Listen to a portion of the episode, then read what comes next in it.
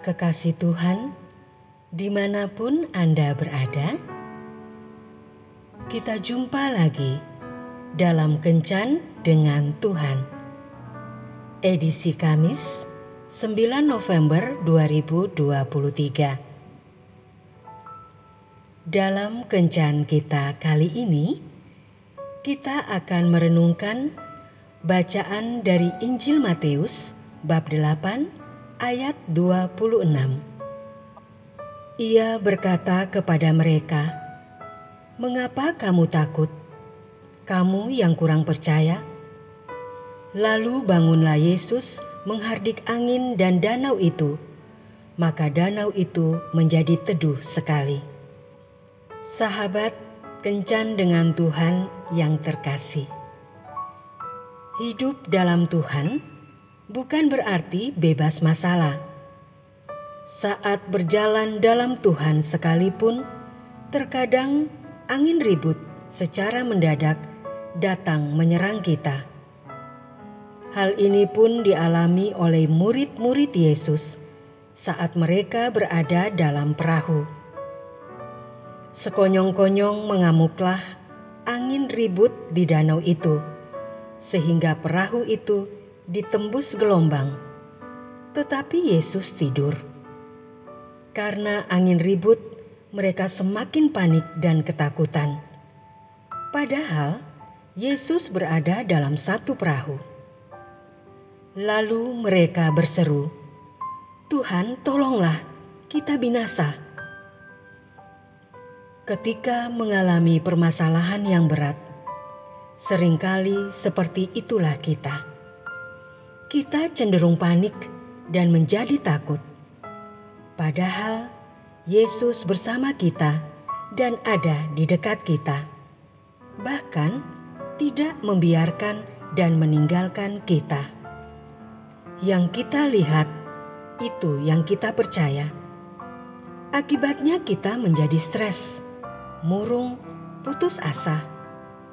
Jangankan bersuka cita membuka mulut untuk menyebut nama Tuhan saja, kita enggan melakukannya. Tahukah kita, rasa takut dan khawatir itu telah membunuh iman kita. Jika seseorang hidup tanpa iman, bagaimana lagi dia akan hidup? Iman itu yang membuat kita hidup. Iman itu satu-satunya yang membuat kita bisa mendapatkan berkat Allah. Iman adalah dasar dari segala sesuatu yang kita harapkan dan bukti dari segala sesuatu yang tidak kita lihat. Ibrani bab 11 ayat 1 Ketika kita mulai meragukan iman kita, maka ingatlah kehidupan akan melahap kita. Tanpa iman, tidak ada pengharapan. Karena itu, jangan biarkan ketakutan, kecemasan, dan kekacauan yang ada di hadapan kita menghalangi hasrat kita untuk mengejar pengharapan.